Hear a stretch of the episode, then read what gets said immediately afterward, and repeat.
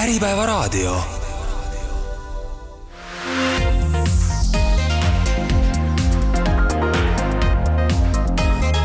Trinity eetris. tere, head kuulajad, see on saade Trinity eetris ja mina olen saatejuht Gregor Alaküla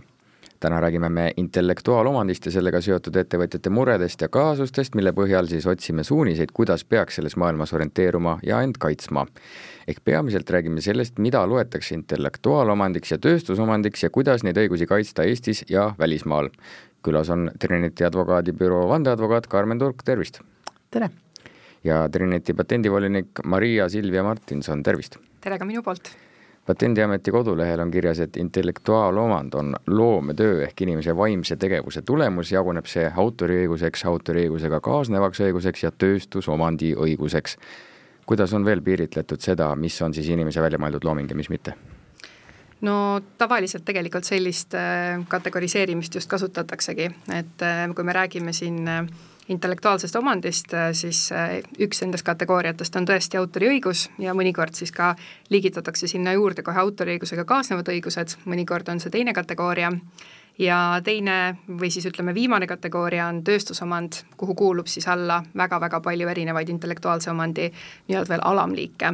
et äh, sinna alla lähevad kaubamärgid, sinna lähevad tööstusdisaini lahendused, samuti leiutised, kas siis patendi või kasuliku mudeli näol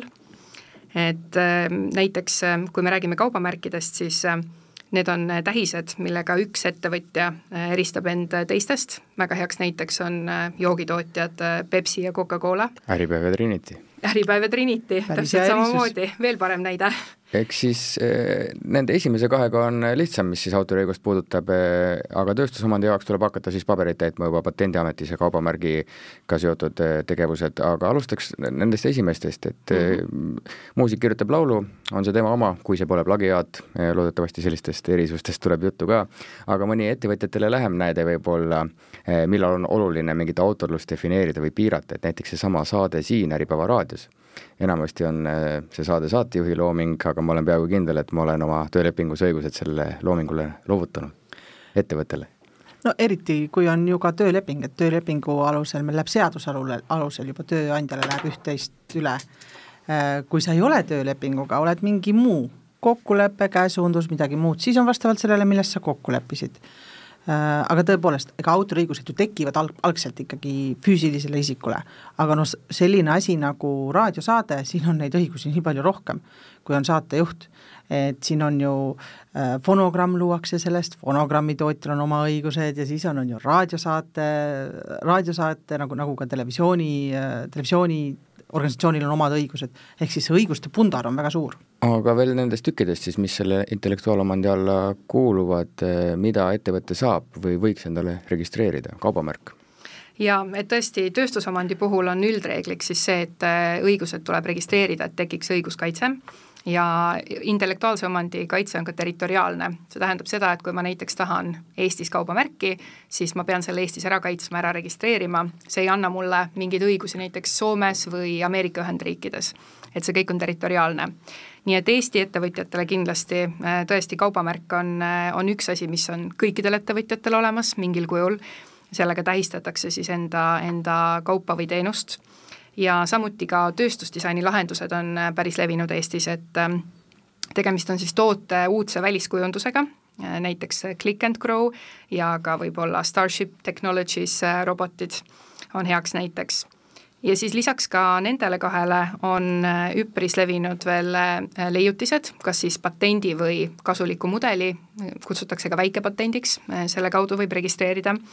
või sellena võib registreerida näiteks äh, üheks näiteks on siis äh, samuti Starship Technologies, kellel on väga palju patente ja ka Tartu Ülikooli poolt on antud sisse mitu patenti seoses probiootikumi probiootikumiga Lactobacillus fermentum, mida saab siis leida näiteks Helluse sarja toodetes Nende tööstusomandiga seoses on kindlasti palju häid kaasusi, millest ettevõtjatel oleks kasulik õppida, et eh, esi, esiteks võtame sellest vastusest kaasa selle, et eh, kui soovitakse kaubamärki kaitsta, siis peab igal turul olema see kaitstud. mitte ainult eh, Sise-Eestis, mingit muud kiirteed sinna ei ole, et mingit üle-euroopalist kaitset ja tõesti on olemas ka siis äh, suurema territooriumi kaitsevõimalused erandina, et äh, näiteks üheks neist on tõesti intellekt-, äh, Euroopa Liidu Intellektuaalomandi Ameti juures kaitstav Euro-, Euroopa Liidu kaubamärk ja seal on ka võimalik kaitsta siis ühenduse registreeritud disainilahendust, et need mõlemad õigused on üle Euroopa Liidulised, ehk siis kaitse tekib igal pool Euroopa Liidus, olenemata sellest, kes siis parasjagu liikmesriikideks on võib-olla nagu mõttena, et võib-olla ettevõtjad tihtipeale räägivad ka sellistest asjadest, et mul on rahvusvaheline kaubamärk või mul on rahvusvaheline patent, et see on võib-olla selline eksitav sõnakõlks, mida tihti kasutatakse, et sellist asja nagu rahvusvaheline pole olemas, et kui kasutada siis Maailma Intellektuaalomandi Organisatsiooni võimalusi registreerimiseks, siis see on ainult, see viitab ainult, et see registreeritakse selle organi kaudu ja tegelikult võib kehtida ainult näiteks Eestis ja Leedus et äh, sellele see rahvusvaheline viitabki, mitte millegile muule. aga võib-olla nagu üks, üks näide veel, et ähm, et kui Maria Silvia just rääkis, et noh, et, et kuidas alati tuleb mõelda, et noh, et mis on võimalused siin, et kaubamärk on ju, tööstusdisaini lahendus, et siis oluline on alati ka ettevõtjal tähele panna, et tegelikult keskmine normaalne toode või teenus, noh peamiselt toode, mida me turul näeme, see pole kunagi ainult ühe tööstusomandi siis obje-, objektiks, et ühes tootes võib olla sadu ja sadu ja sadu erinevaid intellektuaalomandi tükke sees. et ma ei tea, hea näide on, ma ei tea, keskmine äge jooksujalats et et kõigepealt seal võib olla kindlasti tegemist mingi osa leiutisega, et ma ei tea, Reebok, Nike, mõlemad on leiutanud väga palju äh, erinevaid uuendusi, kuidas kõrgemale hüpata, on ju, igasugused täispumpamisfunktsioonid, asjad, need on kõik patendiga kaitstavad. siis see, kuidas see välja näeb, see on, võib olla väga selgelt tööstusdisaini lahendus, miks mitte ja see, kuidas äh, mingid elemendid seal veel peal on, see võib olla selgelt kaubamärk. et võtame isegi kinga, kingatald võib olla eraldi kaubamärk, et siin on, on ju väga kuulsad naistele meeldivad Lubutini kingad, et äh, punane, punane tald on ainult ühel kingal, on ju äh,. Nike'i märk jookseb üle tossu ainult ühel tossul, et äh, kõik need intellektuaalomandid on tegelikult selles ühes väikses tootes, on lihtsalt neid arvukalt sees tundes mitmeid väikeettevõtjaid, kes hingega oma asja ajavad, mõtlevad võib-olla nad tihti, et miks neil üldse on vaja sellele intellektuaalomandi kaitsmisele mõelda või siis eh, saavad isegi aru, et peaks võib-olla kaubamärgi ära kaitsma, et keegi teine seda ei kasutaks, aga oma väiksuse tõttu lihtsalt siis ei jaksa neid eh, taotlusi ja registreerimist kinni maksta, mis te neile soovitaks? No esiteks on kindlasti alati võimalik kasutada ka mingeid toetusmeetmeid, näiteks Euroopa Intellektuaalomandi Ameti kaudu ongi SME fond olemas Äh, mille kaudu saab siis äh, taotleda päris äh, suurt kompensatsiooni seoses intel-, noh, mis on mõeldud intellektuaalse omandi kaitsmiseks, kus siis taotleja peab kõigepealt esitama selle taotluse ära SME fondile, sellega saab ka näiteks patendivolinik aidata. Ja siis, kui tuleb positiivne otsus, Äh, siis selle järgselt on võimalik teha need intellektuaalse omandi registreerimistoimingud ära ja hiljem siis tasutakse näiteks kaubamärkide puhul seitsekümmend viis protsenti sellest ametlikust lõivust äh, taotleja kontole. Euroopa Liidu rahast siis? Äh, jah, et sisuliselt on tegemist siis jah, intellektuaalse omandi kaitsmiseks mõeldud väike ja keskmise suurusega ettevõtjatele. aga ega ettevõtjal on alati võimalik valida Äh, täpselt nagu iga äriotsuse puhul, ettevõtja enda õigus, vastutusvabadus on otsustada, kuidas midagi teha, sama on oma siis toodangu, oma õiguste kaitsega et üks variant on registreerida kaubamärk, äh, teine variant ja väga paljud ettevõtjad kasutavadki, eriti näiteks startup äh, maastikul, et kogu su ettevõtlus alguses võib olla üldse ärisaladuse põhine, mis ei nõua mingit registreerimist ja mis ei nõua mingeid, mingeid riigilõive mitte kuskil, aga see strateegia peab olema läbimõeldud ja kindlasti peab olema läbimõeldud see hetk, kui enam ei saa ärisaladusele tugineda ja tuleb oma õiguste kaitseks eriti kui soovitakse minna maailmaturule, siis ühel hetkel tuleb enda õiguste kaitseks äh, õigel viisil, mõistlikult ja efektiivselt tööstusomand ära registreerida. ega enne kohale ei jõua, kui nii-öelda jama enda õue peal ei ole, ehk siis äh, kui konkurent pole kaubamärki üle võtnud, siis enne ei tegutse. Äh, mingeid muid äh, näiteid, mis aitaks väikeettevõttele paremini seda mõtet kohale viia, et mis, mis võib juhtuda, kui ta sellega ei tegele, kaubamärgiga siis näiteks? ma tooksin küll ühe näite, aga ma võib-olla ei nimetaks seda, seda klienti, et äh, sisuliselt äh, oli olukord, kus klient oli siis start, samuti startup ja oli panustanud väga palju enda tootearendusse Äh, läinud sellega juba ka välisturgudele, äh, korralikud investeeringud olid taga. Ja ühel hetkel selgus, et äh, tegelikult kaubamärk on kaitsmata. Ja see selgus niimoodi, et tuli nõudekiri ühest Euroopa Liidu teisest liikmesriigist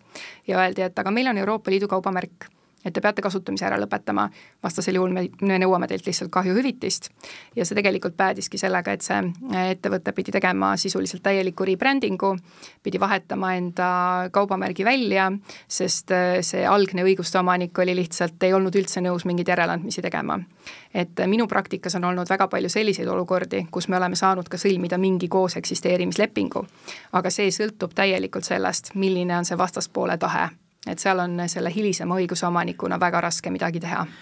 Kuulaja võib siis mõelda nendele kohalikele startup idele, kes on hiljuti rebrandingu läbi teinud. aga erandiks vist ilmselt on see, kui tegutsetakse täiesti erinevas valdkonnas, on olemas Snickersi tööjalanõud ja Snickersi šokolaad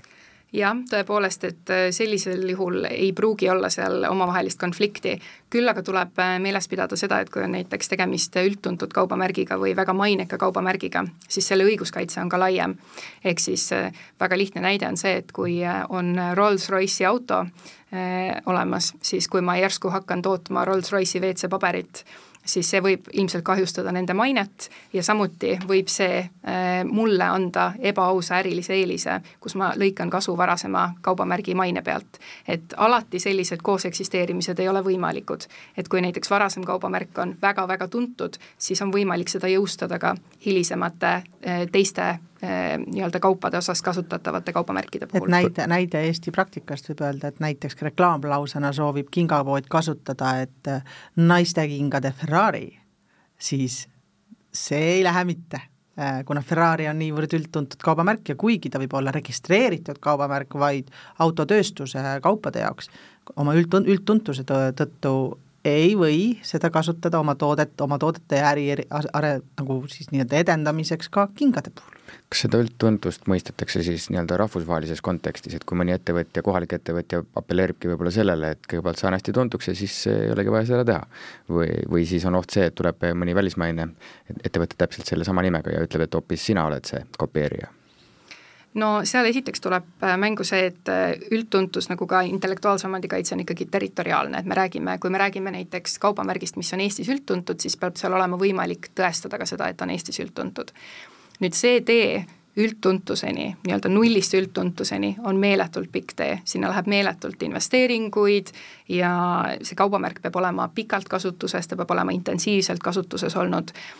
ja seal hinnatakse väga paljusid erinevaid faktoreid. et see ei ole kindlasti asi, mille peale peaks näiteks kohalik tootja või teenuseosutaja lootma jääma, et tema kaubamärk muutub nii-öelda üleöö tuntuks või et noh, see, see on tohutult pikk protsess. Ja ka üldtuntud kaubamärgi puhul selle jõustamine kui ei ole registreeringut, on väga-väga keeruline, et siis igal korral tuleb justkui hakata tõendama uuesti, et sul on üldtuntud kaubamärk, sa pead esitama massiliselt tõendeid mingis kohtuvaidluses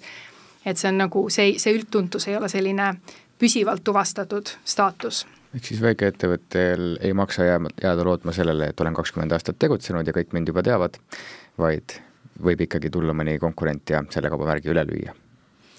Oh jumal, selliseid näiteid on, on väga palju ja võib-olla kui alguses vaatasime, et selliseid hästi klassikaliseid tööstusomandi valdkondi, mis ongi, on ju, geograafiline tähis, disainilahendus, leiutis, kasulik mudel, siis tegelikult neid satelliite seal ümber on veel, mis käituvad hästi sarnaselt tööstusomandile, kuigi me võib-olla otseselt sellena ei näe. et sinna alla lähevad on ju domeeninimed, äh, ärisaladus läheb samamoodi sinna alla, et noh, domeeninimedega on ju vaidlusi küll ja küll, et ettevõtja teeb suure lansseerimise ürituse, meil on uus bränd, avaldame brändi, vaadake kõik väga, unustas kogemata domeeni juurde registreerida et äh, selle kättesaamine pärast äh, on ikkagi närvi, aja ja rahakulu täiesti arvestatav ja pikk protsess. Kui ma ei eksi, siis vahepeal ma mäletan isegi soovitusi, et kõikidel eraisikutel soovitati oma nimega domeen ära registreerida, juhuks kui on plaanis hakata et persooni brändi arendama. kas siit võiks etteruttavalt tullagi soovitus, et äh, kõik, mis ettevõttele on unikaalne, võiks olla siis kaitstud no see on äriotsus hästi-hästi selgelt, et äh, ega lõpuks kaubamärgi äh, kaitsefunktsioon ei peaks kaitsma kuidagi ettevõtja nime. et see on ikkagi seotud toote ja teenuse turundamise, kvaliteedimärgi ja siis ütleme, selle allika ja, ja tootja näitamisega, mitte siis niivõrd, niivõrd ei ole ta algselt mõeldud ettevõtte, ettevõtja nime kaitseks aga ma võib-olla omalt poolt ütleksin ka siia, et äh, minu kogemus näitab, et palju odavam on kaitsta enda intellektuaalomandi õigused tähtaegselt või noh, mõistlikul ajal, kui hiljem kahetseda seda ja maksta võib-olla kordades suuremaid summasid mingite vaidluste lahendamisele. et paraku tuleb seda ikka väga palju praktikas ette, kus ka patendivoliniku või advokaadi juurde jõuavad ettevõtjad alles siis, kui neil on juba nõudekiri postkasti saabunud või, või mingi selge probleem tekkinud. et siis mõnikord võib olla liiga hilja isegi väga hea spetsialistiga koostööd tehes nagu juba mainitud mitu korda, siis ettevõtjad erineva suurusega ja oleneb äriotsusest, kas siis tegeleda kõikide õiguste kaitsmisega või mitte, tundub ikkagi ettevõtja jaoks selline juriidiline kobarjama, see intellektuaalomandiga tegelemine, kui peab siis ühte ja sama asja kaitsma nii kaubamärgina, leiutisena, kasuliku mudelina, aga tihti on äh, ettevõtjale abiks selles siis ähm, patendivolinik Maria Silvia, räägime teie tööst ma saan aru, et eh, eesmärgiks ongi, te olete see inimene, kes aitab ettevõtetel paika panna strateegia kogu selle intellektuaalomandi kaitseks. ehk eh, jurist või advokaat, kes siis ongi spetsialiseerunud sellele intellektuaalomandi kaitsmisele, saan ma õigesti aru? Eh, jah, üldjoones küll, et eh, patendivolinik ongi siis väga spetsiifiline nii-öelda kutseeksami läbinud eh, spetsialist, kes nõustab tõesti siis kliente peamiselt tööstusomandi õiguskaitse küsimustes, kuhu kuuluvad siis alla näiteks kaubamärgid, tööstusdisaini lahendused ja, ja leiutised, küll aga saab patendivolinik siis aidata ka teiste õigusküsimustega ja, ja samuti autoriõigusega näiteks. Äh, ja tõesti üheks äh, peamiseks äh, asjaks, mida patendivolinikud teevad, on see, et nad koostavad kliendi intellektuaalse omandi strateegia, ehk siis ideaalne lahendus ongi see, et klient tuleb patendivoliniku juurde, ütleb, mul on ilmselt ettevõttes mingit intellektuaalset omandit, mida ma tahaksin kaitsta, kas me saame selle koos üle vaadata ja siis tegelikult saab teha mingis mõttes nagu intellektuaalse omandi auditi, vaadata, et mis on kliendil olemas, mis vajaks kaitsmist, kuidas vajaks kaitsmist ja hinnata selle juures ka seda, et kas see on kulu optimaalne. Ehk siis ei ole mõistlik üritada igal pool ülemaailmselt kaubamärgi kaitset kätte saada, ei ole mõtet igat leiutist hakata patenteerima. et seal lähtutakse ikkagi noh, nagu meil ka enne jutust läbi käis, kliendi vajadustest ja võimalustest Carmen ja Maria, erinevad teie tööülesanded veel milleski olulises, kui klient pöördub teie poole selle intellektuaalomandi kaitsmise äh, murega? ei no ega intellektuaalomandi küsimused on ju tänapäeval, need on nii laiad, need äh, algavad sellest, mida isik ise võib kasutada, mis hetkel ta võib minna konflikti teiste poolt varem looduga, mis hetkel ta jällegi võib just nimelt kasutada. noh, ajakirjanikuna äh,, ajakirjaniku töös on ju üheksakümmend protsenti tööst, te mõtlete sellele, et kui palju võib, võib kasutada seda, mis on juba olemas. et ega kogu tänapäeva loome on ju ikkagi üheksakümmend protsenti on ta lõpuks loodud millegi juba loodu peale. et äh, need, need küsimused käivad, ma arvan, iga ettevõtjaga päevast päeva kaasas, aga vot selline patendivoliniku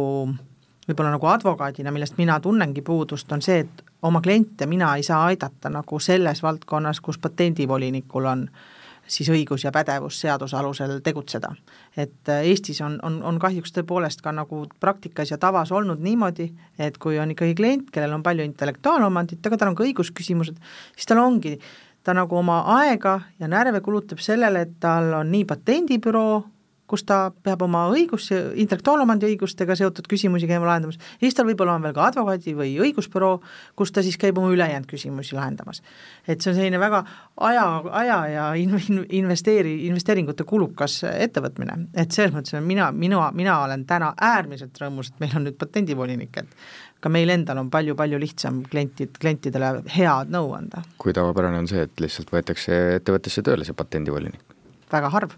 Eestis on kolm bürood, advokaadibürood, kus on seda otsustatud teha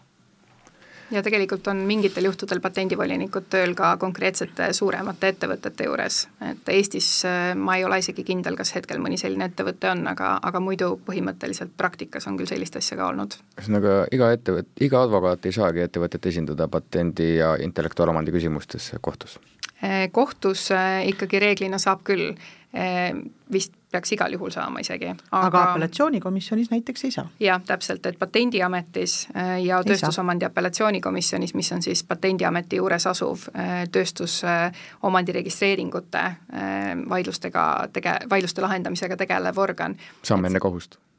Samm enne kohust ja, ja see on kohustuslik kohtueelne menetlus mis tuleb siis läbida. et äh, sellisel juhul saab ainult patendivolinik aidata oma kutsetegevuse valdkonnas, et patendivolinikud jagunevad ka siis kaheks, et kuigi see nimetus on, et asja veel keerulisemaks teha, et kuigi see nimetus patendivolinik justkui viitab ainult patentidele, mis on seotud leiutistega, kuna ainult leiutisi saab patenteerida, siis tegelikult patendivolinikud jagunevad kutsevaldkonna järgi esiteks kas kaubamärkide, disainide ja geograafiliste tähistega eh, tegelevateks või siis leiutiste ja mikrolülituse topoloogiaga eh, tegelevateks. et eh, seal on veel selline oma, omakorda erisus sees. aga lihtsustatult öeldes, et kui me võtame niisuguse noh, võib-olla niisuguse keskmise suurusega ettevõtja täna Eestis, et siis noh, täna on olnud, on olukord tihtipeale see, et kui tekib vaidlus mõne kaubamärgi või disainilahenduse üle, siis vaatamata sellele näiteks, et ettevõtja on kümme aastat töötanud oma advokaadiga, keda ta usaldab, kelle, kelle käest ta igapäevast nõu saab, siis kohustuslikus korras peab ta pöörduma patendibüroosse, et minna ja vaielda see esimene aste siis Patendiameti juures ära. ja selleks ta peab palkama eraldi patendibüroo, kus on siis patendivolinikud tööl. Et noh, see on võib-olla selline, mis nagu ettevõtja vaatest tekitab sellist, ütleme, kulu kindlasti palju juurde, et mulle tundub see hästi mõistlik et patendivolinikud ja advokaadid teevad rohkem, rohkem koostööd, nii et ähm, ma meie saan... oleme väga rõõmsad. ma saan aru, et teile on see süsteem kasulik, aga miks see selline süsteem on, et peab olema eraldi patendivolinik seal vahel? õiguspoliitiline valik on ta olnud üheksakümnendate alguses, samamoodi nagu meil on eraldi kohtutäiturid ja eraldi on notarid ja eraldi on patendivolinikud ja eraldi on advokaadid. nüüd hakkame rääkima ettevõtjate intellektuaalomandiga seotud põhiprobleemidest, mille põhjal peamiselt vaidlused tekivad no tegelikult vaidlused võib laias laastus äh, jagada kolme kategooriasse. Äh, esimene on see, et pole olnud selget arusaama, kas on tegemist millegiga, mis on kaitstud. nii olukorras, kus rikutakse, kui olukorras, kus enda loodut ei õigesti ei, ei käsitleta ega kaitsta. teine suur grupp on ilmselt see ikkagi, et kui nagu teise õiguse piirist üle astuda, eks ju ja, ja kolmas äh, on siis see, et ongi, et enda, enda õigus on kaitsmata jäetud ja siis proovitakse tagantjärgi päästa. et eks võib-olla nagu alustada, et ähm, vast viimase aja niisugune meedias kõige rohkem tähelepanu kütab, ehk see, et kui me nagu aastaid, me ei ole nii palju vaielnud selle üle, et mis on ikkagi see kaitstav objekt, eriti näiteks kui me võtame autoriõigused, meil on ikkagi üsna selge see, noh, üsna selge muidugi on jällegi nagu liialdus, ikka juristid kipuvad liialdama. et no ega tegelikult lõpuni alati pole, et Euroopa Liidu kohus veel mõned aastad tagasi tegi tormi veeklaasis, kui ütles, et ei, ei, seitse sõna järjest võib olla juba eraldi teos ja eraldi kaitse all, kui nagu refereerida näiteks mõnda ajakirjandusväljaannet. et äh, eks, eks see aeg-ajalt ikka tekitab uut, uut kohtupraktikat tuleb, aga noh, viimasel ajal ikka me muu üle ei vaidlegi ju, kui meedias ka vaadata, et et nüüd ikka, kui meil nagu chat GPT nüüd midagi kirjutab, et mis siis ikka on, et, et kes siis ikka, kas on üldse mingi kaitstav asi, kas me üldse saame sellega midagi teha intellektuaalomandi mõttes et ega see muidugi ei ole jällegi tegelikult, see pole üldse uus äh, probleem, et esimesed niisugused vaidlused sellest, kui looja pole inimene et kes, kas siis on autoriõigusel üldse siia asja. no, no need on väga vanad, et ma ei tea, esimesed ongi Mark Twaini üks kunagine äh, raamat äh, ilmus Ameerika Ühendriikides, kus siis autor ei olnud mitte Mark Twain, aga autor ütles, et talle tsiteeris selle Mark Twaini vaim. ja ta lihtsalt nagu kirjutas selle ülesse ja kohtud istusid ja mõtlesid tükk aega, et mida siis nüüd nagu teha, on ju, et Mark Twain on surnud, noh, autorit nagu pole, aga vaim justkui on, mis nüüd siis teha, aga siis ikkagi kohtukoosseis jõudis arusaamisele, et äh, meil ikkagi seda inimest seal vaja on. et ja neid vaidluseid on olnud siin läbi aegade nagu korduvalt ja korduvalt, et noh, üks kurikuulus, millest ma arvan, enamus isegi mitte autoriõiguse juristid teavad, on kurikuulus gorilla pildistamise näide, et kui gorilla ikka ise fotole vajutab, on ju. räägime lahti tegelikult see oli üldse makaak. makaak on ja, see just, mis ja. gorilla, kuidas ma niimoodi panin ühte patta ahvlased? Äh, ühesõnaga, see kaasus tegelikult ulatub äh, tagasi umbes kümmekond aastat juba, et äh, kus äh, kus siis fotograaf, loodusfotograaf John Slater, kui ma ei eksi, oli ta nimi, läks Indoneesiasse makaake pildistama või lihtsalt loodusfotosid tegema. ja ta toimetas siis seal oma kaameraga ja jättis selle korraks lihtsalt loodusesse ja vaatas, et äh, mis juhtub. ja ühe, üks makaak tõesti siis tuli ja vajutas äh, sellele äh, nupule, mis võimaldas foto tegemist ja siis selle nii-öelda nimeks sai makaagi selfie siis või, või ahvi selfie ja see jõudis väga-väga laialdaselt ka rahvusvahelisse meediasse. ja siis tekkis küsimus, et kellele kuuluvad autoriõigused? kas tegemist on üldse teosega autoriõiguse mõistes? ja tegelikult seal vaieldi läbi mitmed kohtuastmed ja minu teada ka mitmes eri riigis, üks neist oli Ameerika Ühendriigid, ja seal Ameerika Ühendriikide lahendis lõpuks, lõpuks täpsustati, et ikkagi kuna see fotograaf ei teinud ise seda fotot ja ta ei kasutanud seda äh, fotoaparaati ka otseselt vahendina, vaid ta lihtsalt, ta ei seadistanud seda lõpp, lõpuni valmis, vaid ta jättis selle sinna vedelema ja kuna see ahv tegi iseendast pildi, siis äh, see ei saa olla autoriõiguse mõttes teos, kuna ahv ei ole füüsiline isik, kes saaks olla autoriks. ja selle tõttu on see foto vabas kasutuses võib-olla siis mõni ettevõtjatele täna, tänapäevasem ja kuumem näide juba Karmen mainis, tehisaru, chat GPT, mis, mille osas vist samuti mingit ühest praktikat ei ole, et kellele see loodus siis kuulub või juba on no tegelikult ma ütleks, et kontinentaal-Euroopas ehk siis äh, siin mandri peal äh, meil on ikkagi see üsna, üsna selge arusaam kujunenud ja tegelikult äh, nii harva, kui seda ka juhtub, aga meil on sama arusaam Ameerika Ühendriikidega. et võib-olla natuke teistsugune arusaam täna on Ühendkuningriigis, kus siis meil on niisugune üks erisäte, mis lubab natukene rohkem debateerida selle üle, et, et kui nagu sellist tehisaru väga kasutada. aga no ütleme, Euroopas ja Ameerikas me ikkagi täna oleme äh, nii-öelda Makagi vaidluse põhimõttest lähtuv ja seda ütleb ka meie enda autoriõiguse seadus sõnaselgelt, et autoriks saab olla füüsiline isik ja niimoodi on meil kõigis Euroopa Liidu liikmesriikides samamoodi. ehk kui füüsilist isikut seal ei ole, seal ei ole seda loomingut, seal ei ole seda särtsu, mis on ainult meile, inimestele omane, kui seal ei ole seda meie autonoomset tahte sünnitist ja seda inimlikku touch'i või seda puudutust, siis, siis ega see ikka teos ei ole küll, ta ei ole originaalne tulem siis autoriõiguse seaduse tähenduses.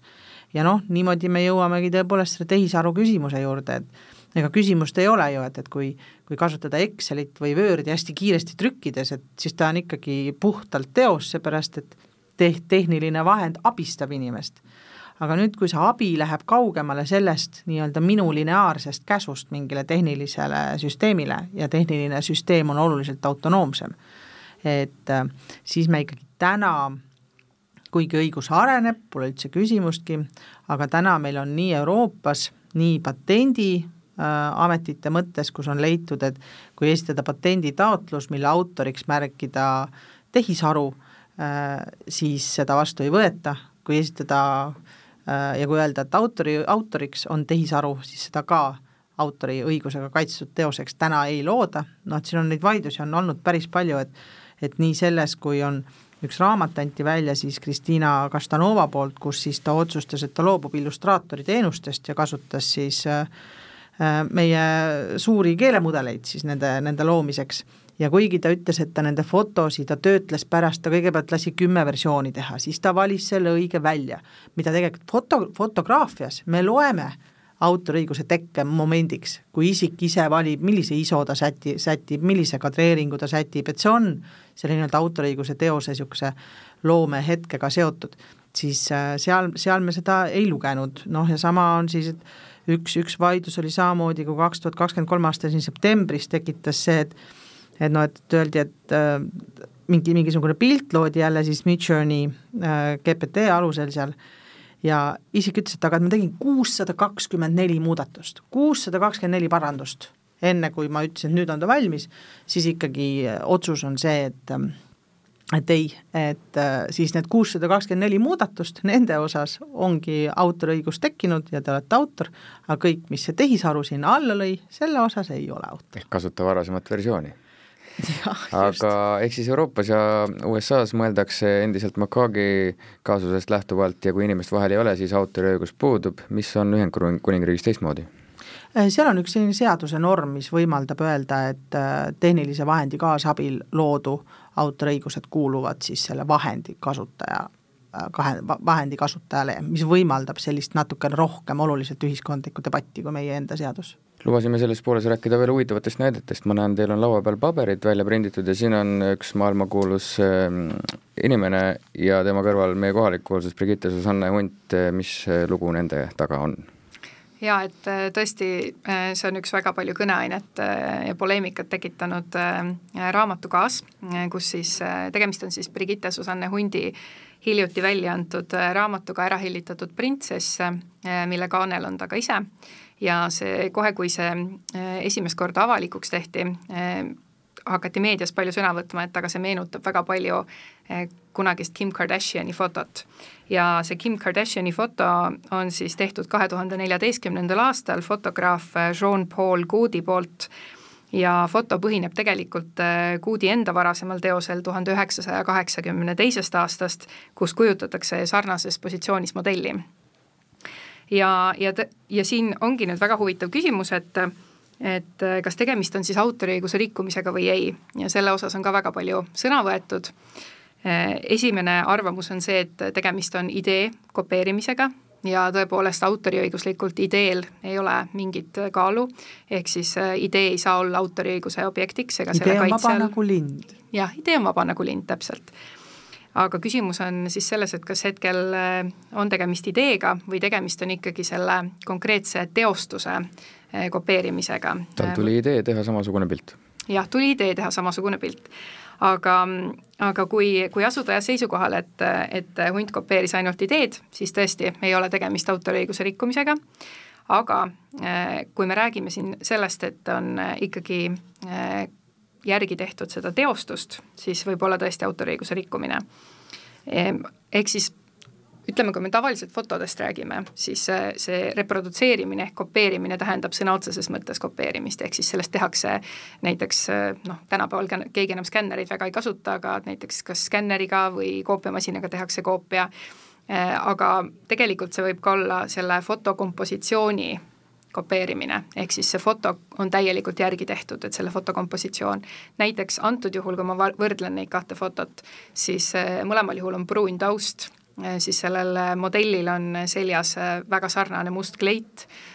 isegi see šampanja juga on väga sarnane, et see ei tähenda, et tegemist on ilmtingimata rikkumisega, aga need võivad viidata sellele, et siin ikkagi on kopeeritud seda kompositsiooni, mis võib siis kvalifitseeruda rikkumiseks. ja ka autoriõigus kui selline loob ääretult laia valiku igale soovijale mõelda, mis rikkumist siin veel võib olla. et autoriõigus, kui me mõtleme autoriõigus, ütleme sada viiskümmend aastat tagasi, äh, siis meil oli väga klassikaline autoriõigus, kus oligi ühes otsas oli idee, teises oli vorm ja autoriõigus kaitses ainult seda väga kitsast osa, mis puudutas vormi. ehk siis noh, trükimasinaga uuesti trükkimist et tänapäevane autoriõigus äh, toob meile aina enam sisse Ameerika traditsioone ja meil on tuletatud teose instituut olemas ja tuletatud teos ütleb, et kui mina teen raamatu ja sina teed pärast filmi, no vormi ei ole ju seal kuidagi kopeeritud, ka kompositsiooni ehk võib-olla lõpuni mitte. Aga minu idee on viidud niivõrd sarnase nii-öelda uuesti loomiseni teises võtmes et see on minu autoriõiguste rikkumine. isegi näiteks ka selles samas Maria Silvia viidatud kaasuses, kus, äh, kus Birgitte Susanne Hundi fotol, äh, selle foto autoril on kindlasti oma autoriõigused, selles pole küsimus et see on originaalne lõpuks, see on tema intellektuaalse tegevuse tulem ja ta vastab teose nõuetele, aga ta on loodud rikkudes teise ilmselt rikkudes teise autori teoseid. Ja mitte sellepärast, et oleks kopeeritud, vaid sellepärast, et on loodud tuletatud teos ja tegelikult Ühendkuningriigi kohtupraktikas on äh, mõni aeg tagasi tehtud ka üks huvitav otsus, kus käis vaidlus kahe foto ümber, äh, millel kujutati Westminsteri sillal sõitvat punast kahekordset bussi ja see Westminsteri sild ja see taust oli üleni äh, mustvalge, aga see buss oli punane. Ja seal ka kohus nentis, et tegemist on rikkumisega, kuna hilisema foto autor oli kohtu hinnangul näinud ekstra vaeva, et teha seda esimest fotot järgi ehk ka selle kõnealuse fotoga, mis meil siin laua peal on, siis eh, Brigitte Susanne Hundist eh, pika jutu lühike kokkuvõte on see, et nii ei tohi. me nüüd, siis me jääme nagu juristideks lõpuni välja, ütleme, väga tõenäoline on, et niimoodi poleks tohtinud teha ütleme nii, et igaks juhuks ei soovitaks edaspidi, et kui, kui äh, klient, kui meie klient oleks äh, küsimusega, et äh, kas julgeda sellist asja teha või ei, siis me igaks juhuks soovitaksime mitte, et me kindlasti ei ütle, et see on, et see on vaieldamatult rikkumine, kohus võib alati teistmoodi leida, aga, aga kui soovida hoiduda nõuetest, siis on ilmselt nii targem. jah, lõpp, lõppeks me oleme nagu hästi numbripõhine büroo, et kui meie juurde tuleks Kim Kardashini fotoautor ja ütleks, mis on tõenäosus, et tema poolt kohtusse pöördumisel Brigitte Susanne Hundi vastu on äh, edulootus, siis me ütleks talle seitsekümmend viis kuni kaheksakümmend protsenti. hästi, mõni veel ettevõtjatele lähem näide, võib-olla põhjustab palju konflikte ka Eh, koostöös valminud looming, näiteks et ettevõte ja riik arendavad koostöös mingit platvormi või toodet või teenust, on ka sealt valdkonnast mingit praktikat näiteks? no kogu selline ühis, ühistegutsemine autoriõiguse mõttes ja see rakendub samamoodi tööstusomandile, kõik see, et millega on tegu, selle, sellega on meil päris palju olnud ka Eestis, Eestis vaidlusi. Kas on tegemist ainuautorite üksikute loome, loomingu lo,, üksiku loominguga ehk siis eraldi teostega või on tegemist ühis- või kaasautorsusega väga toredad juriidilised mõisted, aga väga erinevad õigused inimestele, kes seal osalevad. ühe puhul sa saad oma osa sealt justkui eraldi kasutada, teisel puhul sul pole ühtegi õigust ilma teiste ühisautoriteta, kellega siis koos seda tehti, midagi teha. ja siis on veel meil kollektiivne teos auto, autoriõiguse seaduses, no siin on võib-olla hea näide on,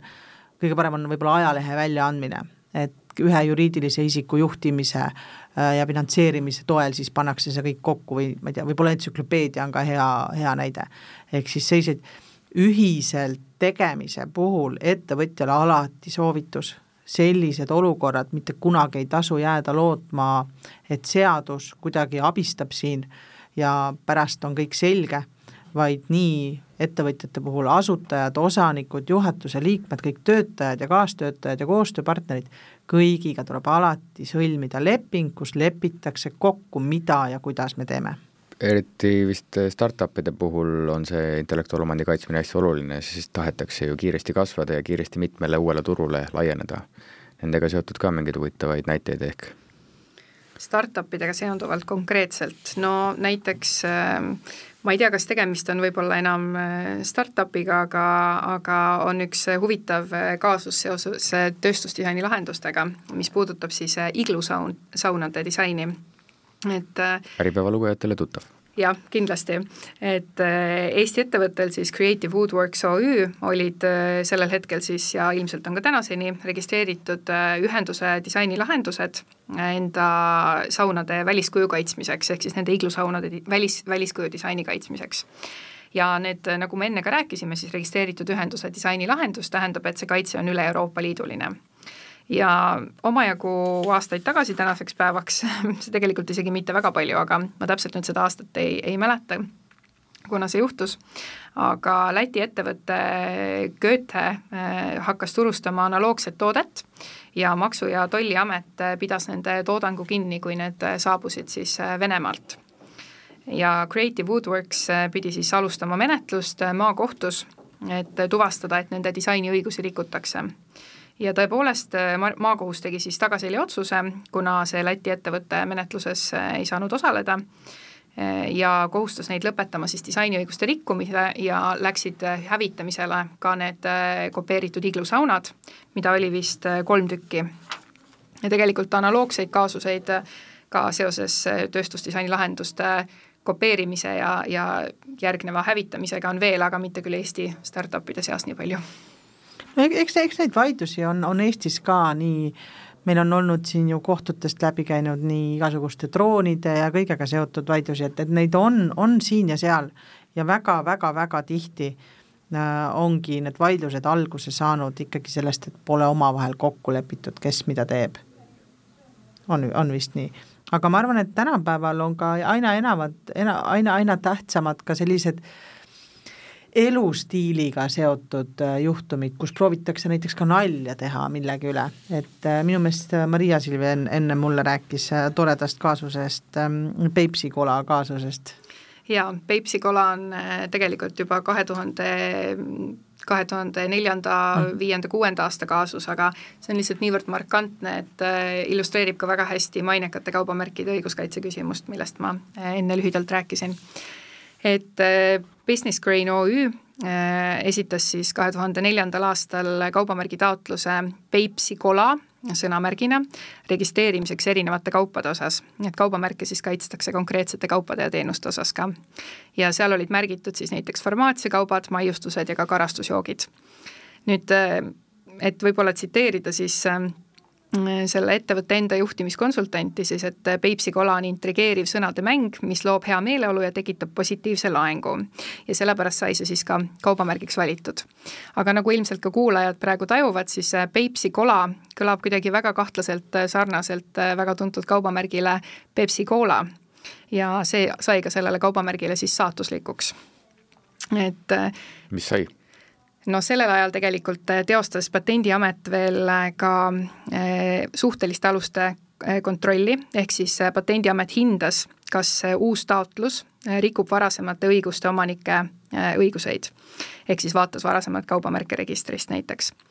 ja Patendiamet ise juba tuvastas, et on, on olemas konflikt siis äh, Pepsi Cola ja Peipsi Cola vahel ja keeldus kaubamärgi registreerimisest äh, karastusjookide osas. küll aga nad leidsid, et kuna teised kaubad, äh, mis seal nimetatud olid, farmaatsiakaubad ja maiustused on eriliigilised, et siis lasti nende osas see läbi mis tähendab, et PepsiCo Inc pidigi vaidlustama tööstusomandi apellatsioonikomisjonis selle kaubamärgi registreerimisotsuse ka teiste kaupade osas ja tuginedes siis enda varasematele Pepsi Cola märkidele. ja muuhulgas nad suutsid siis ka siis ka näidata, et need Pepsi Cola märgid on Eestis väga-väga tuntud ja mainekad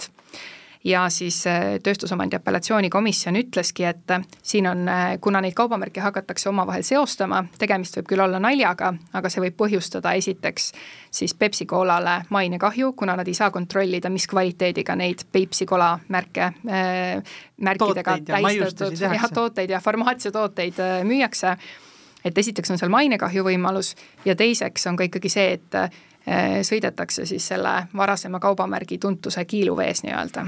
no see oligi ilmselt ettevõtja eesmärk, ehk siis eh, saatuslikuks sai see, et eh, kategooria, millega kaubeldakse, sisaldas ka karastusjooke või mis oleks päästnud seda Peipsi kola? Päästnud oleks see, kui taotlust ei oleks esitatud ja seda kaubamärki üldse ei oleks kasutusele võetudki. Et äh, tegelikult isegi see, et ta oli teistes kategooriates äh, ka registreeritud või noh, nii-öelda registreerimiseks esitatud, siis see ei ole lõpuks oluline, kuna kui on tegemist väga-väga tuntud kaubamärgiga ja seda kas parodeeritakse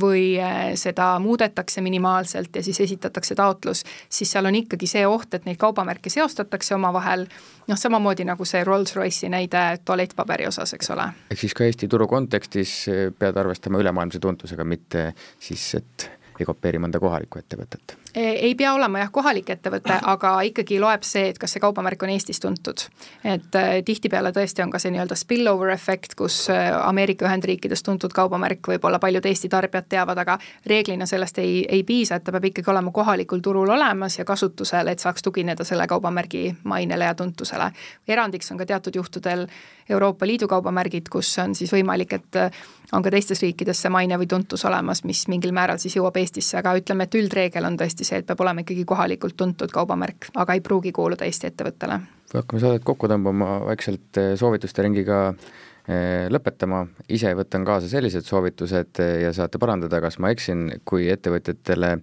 öelda, et ära kopeeri,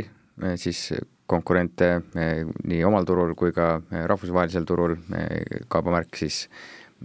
peab olema Eestis, ei tohi olla Eestis tuntud ja, ja teine soovitus, et äh, ära siis usalda tehnoloogiat, ära lase tehisarul teha endale äh, mingit kampaaniat. ja ma arvan, et kolmandaks kõige oluline asi, mis alati ettevõtjale, et kui ikkagi ettevõtja juba taipab, et tema ettevõtte väärtus suuremas osas juba koosneb intellektuaalsest omandist, ehk siis sellist mitte kehalisest väärtusest,